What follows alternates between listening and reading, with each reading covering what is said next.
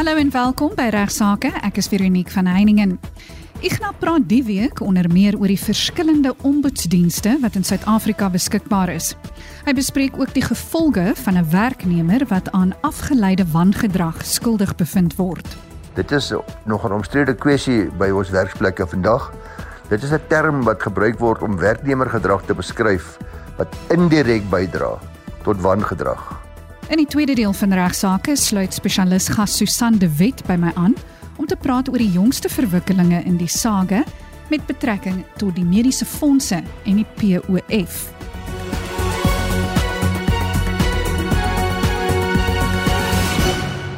Ons begin die week se program met Ignas wat praat oor die verskeie ombudsdienste wat beskikbaar is in ons land. Ja, goeiemôre Veronique en almal julle daar in die ateljee. Lekker om weer met u te gesels, al die luisteraars ook baie hartlik welkom.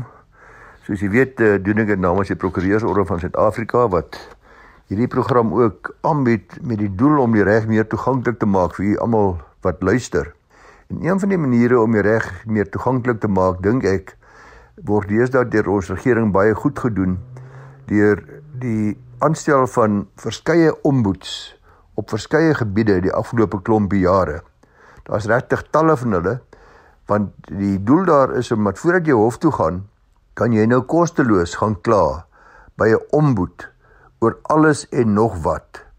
Nou sommige ombuds is baie meer effektief as ander want uh, die wat binne 'n uitspraak of 'n besluit kan gee sodat die saak net daar eindig. Ander weer kan slegs en ek maar net arbitreer of 'n bietjie middelman speel of net leiding gee aan die partye, maar hoe dit ook al sê, Hulle is nogal baie waardevol en hulle spaar mense 'n klomp onnodige reskoste om dikwels maar eers te hoor wat die ombud sê en baie groot besighede is nogal redelik skrikkerig om nie te gereeld by die ombud aangekla te word deur die publiek nie. Daar is 'n uh, eh, byvoorbeeld om net die idee te gee langtermynversekerings ombud te korttermynversekerings ombud daar's ombud vir pensioenfonde daar's een oor bankdienste daar's een oor gesondheid Daar is een oor huisbouers. Daar is ag alle talle gebiede is daar omboets. Ek het twee navrae gekry. Die een navraag wat ek gekry het, het gehandel met 'n deeltitel klagte by is oor 'n skema waarin die luisteraar woon. Nou ek gaan vir hom net sê daar is 'n Community Schemes Omboed Diens CSOS en u kan gerus gaan kyk op hulle webwerf csos.org.za csos.org.za Johannes daar van Johannesburg. En hulle sal vir u kan help as uh, u kan ook skakel as 'n 010 nommer 010 593 0533 hulle het 'n alternatiewe dispuut uh, diens wat hulle vir alle deelnemers in die residensiële en kommersiële en industriële gemeenskapsskemas kan help en uh, dis nogal die moeite werd om daar eers te gaan kers opsteek as jy 'n probleem het met die eie skema. Dan is daar ook 'n uh, tweede navraag wat ek gekry het, 'n klag wat iemand het, een van ons luisteraars het, hy wil anoniem wees teen sy skuldberader. Nou daar is ook 'n uh, ombudsman vir skuldberaders, naamlik die nasionale kredietreguleerder die NCR. Hulle kan gekry word by ncr.org.za of kan geskakel word by 0860 627 627 0860 627 627 Dit is nou verklagtes teen almal in die kredietbedryf wat daarin deelneem. Dit sluit in ook skuldberaders. So ek het ook gedink om vir van Vellen Duffy te vra. Ek het 'n hele lys van omtrent so 15 verskillende omboeds met hulle kontakbesonderhede en ek sal van Vellen Duffy vra om dit op hulle webwerf vir u te plaas sodat jy daarna kan gaan kyk. Jy kan net maar gaan uh, kyk na VVD of van Velden Duffy en op hulle webwerf sal u dan gelei word na hierdie lys van omboeds vir u behulpsaam te wees om die reg vir die meer toeganklik te maak. Goed, Ignas praat nou oor die gevolge van werknemers wat aan afgeleide wangedrag skuldig bevind word. Ek het onlangs 'n paar weke terug met u gesels oor wanneer salarisuaftrekkings moontlik is as gevolg van beerkrag en wat die oplossings moontlik is. Vandag 'n bietjie meer oor werknemers salarisuaftrekkings as gevolg van afgeleide wangedrag. Nou as mens kyk wat afgeleide wangedrag is, dit is 'n uh, nog 'n omstrede kwessie by ons werksplekke vandag. Dit is 'n term wat gebruik word om werknemergedrag te beskryf wat indirek bydra tot wangedrag. Soos afgeleide wangedrag, soos om dit byvoorbeeld moontlik te maak, die wangedrag moontlik te maak. Jy help daarmee of te versuim om dit aan te meld of halfstilswygend net deel te neem. In gevalle waar 'n werknemer aan afgeleide wangedrag skuldig bevind word, is die vraag nou kan 'n werkgewer dan besluit om 'n gedeelte van sy salaris as straf af te trek. Daar's baie redes waarom werkgewers kan kies om liewer salarisuaftrekkings te gebruik as straf. Een rede is dat dit 'n afskrikmiddel vir ander werknemers wat dit dalk ook oorweeg om deel te neem aan hierdie afgeleide wangedrag of deur dit duidelik te maak dat daar gevolge is vir indirekte deelname aan wangedrag en om te hoop dat werkgewers dan 'n kultuur van aanspreeklikheid sal hê in die werksplek. Nog 'n rede waarom werkgewers dikwels verkies om salarisuaftrekkings te gebruik, dit is omdat dit 'n wyse kan wees om die kostes wat met die wangedrag verband hou te verhaal. Byvoorbeeld, as 'n werknemer se optrede 'n resgeding of ander reskoste tot gevolg gehad het, dan kan die werkgewer 'n gedeelte van die werknemer se salaris aftrek om daardie kostes wat hy aangegaan het as gevolg van hy afgeleide wangedrag te probeer verhaal. Daar was 'n interessante saak onlangs gewees in Gitekaya en ander versus die Amatole distrikmunisipaliteit. Dis in die Hooggeregshof in Londen in 2021. Daar het die 11 applikante saam met ander werknemers van uh, die munisipaliteit aan 'n staking deelgeneem. Hierdie staking was egter onbeskermd. Dit beteken dan dat die staking nie voldoen aan die vereistes soos dit duidelik ingesit is in die wet op arbeidsverhoudinge nie. Gevolglik sal so staking nie die beskerming geniet wat daardeur gebied word normaalweg nie. Dit skep dan verder die speelruimte van siviele sanksies vir diegene wat op 'n onbeskermde wyse toeslaan en staak.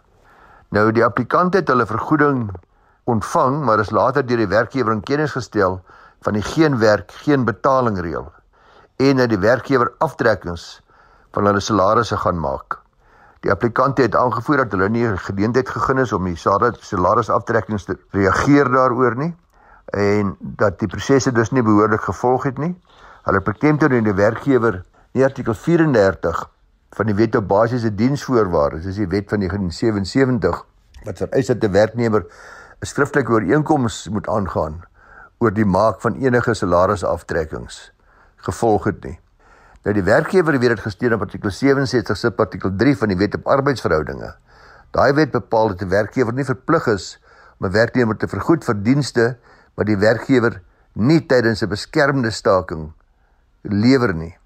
Die applikant het intussentyd sy indruk aangevra met die argument dat die werkgewer nie behoorlike prosedure gevolg het nie en besig was met selfhelp. Ek kan ook sê om reg in eie hande te neem deur net bloot salarisuaftrekkings te doen sonder dat 'n sekere proses gevolg was. Dit was op die basis dat hulle nie tot enige ooreenkoms ingestem het nie en dat hulle nie deur die werkgewer betrek is met 'n agneming van die ou die alterum partem reël nie. Ek het al gesê wat dit beteken. Dit is om die ander kant moet ook altyd aangehoor word.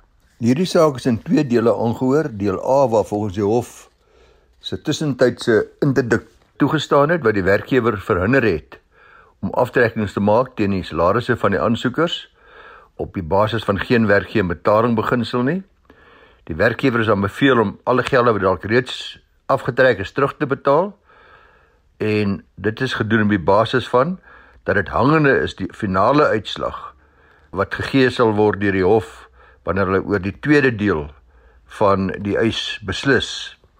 Die tweede deel van die eisdeel B, dis die een waarin die applikante in hulle kennisgewing van mosie geëis het dat die reël van geen werk geen betaling van die werkgewer onwettig verklaar word en dat die respondent se besluit om salarisse af te trek neerkom op reg in eie hande neem en dat die respondent dan gelas moet word om ook die kostes van die hele geding te betaal op 'n bestraffende basis naamlik op 'n prokureur kliënt skaal. Die respondent die munisipaliteit het aangevoer dat die applikante erken het dat hulle aan 'n onwettige staking deelgeneem het wanneer die arbeidshof het al reeds besluit dat hierdie staking onwettig was en dat dit op hierdie basis was dat hulle gesteun het op die geen werk geen betaling beginsel wat hulle dan nou nie gewerk nie as gevolg van onwettige staking. Is menend dit verder ontken dat die aftrekkings wat gemaak is selfhelp tot gevolg gehad het. Die hof het met verwysing na verskeie uitsprake tot die gevolgtrekking gekom dat die munisipaliteit voeteer het deur nie eers behoorlik die prosedure te volg soos vereis deur die reëls uiteengesit in die wet op basiese diensvoorwaardes nie. Dat hierdie eensydige oplegging van die bepalinge daarvan aan 'n werknemer, dis die salarisaftrekking eensydiglik dat dit onbillik is en nie gedoen mag word nie. Die hof het gelas dat die aftrekkings wat gemaak is teen hierdie salarisse van die applikante nie toelaatbaar is nie en het ook bepaal dat die wet op basiese diensvoorwaardes nie behoorlik gevolg is nie en ook dat die munisipaliteit reg in eie hande geneem het. Hulle moes dan ook die kostes van hierdie aansoek betaal. Boonop kon die salarisaftrekkings sê die hof 'n beduidende impak op werknemers se finansiële welstand hê. Vir baie werknemers is hulle salaris hulle primêre bron van inkomste, seker maar vir die meeste van ons ook, en 'n aftrekking kan aansienlike swaar kry veroorsaak. Dit kan veral wees in gevalle waar die werknemer nie direk verantwoordelik was vir die wangedrag nie, soos in hierdie geval wat ek gesê dis indirekte wangedrag gewees het. Laastens is die vraag gevra of salarisaftrekkings wel in sommige gevalle 'n gepaste straf kan wees vir afgeleide wangedrag. Dit sê die hof is 'n komplekse kwessie wat noukeurige oorweging op 'n geval tot geval basis verg, maar werkgewers moet die voordele van die gebruik van hierdie straf opweeg teen die potensiële negatiewe impak op die werknemer en die werkplek. En hier weer veral natuurlik die die swaar kry, die finansiële swaar kry van werknemers en hulle gesinne. Indien 'n werkgewer wel kies sê die hof om salarisaftrekkings as 'n straf vir afgeleide wangedrag te gebruik, is dit wel noodsaaklik dat hulle die besluit duidelik moet kommunikeer en 'n baie duidelike rasionaal vir hierdie aftrekking verskaf.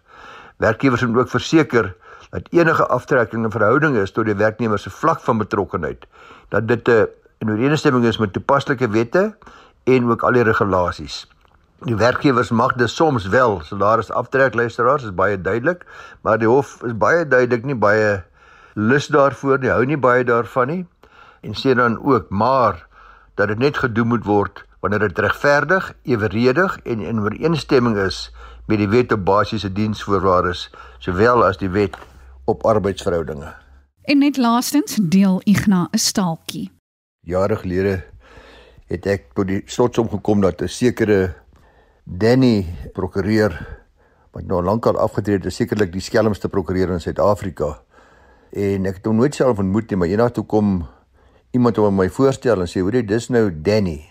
Dis nou die Danny wat seker die skelmste prokureur is in Suid-Afrika tydens sy 40 jaar loopbaan. En toe sê Danny so ewe vir die persoon wat hom voorstel: "Ag nee, ag nee, Koos, dit is nie so nie. Ek dink ek dink daarom tog eerlikwaar dat Johan daar van Johannesburg, hy is eintlik die skelmste." Nou ja, so dit is almal maar ons claim to fame soos hulle sê, dit waarop ons trots is, selfs al is jy die skelmste prokureur in Suid-Afrika. Groete tot volgende week en ek sal probeer onthou om dalk so 'n bietjie meer humor met u te deel maandag 12:30.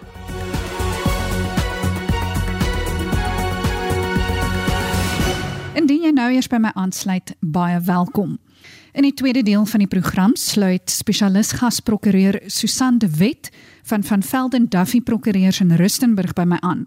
Susan praat die week oor die jongste verwikkelinge in die saga met betrekking tot die mediese fondse en die POF. Baie welkom by regsaake Susan. So jy het die week besluit om die onderwerp oor die sake tussen die mediese fondse en die POF aan te raak.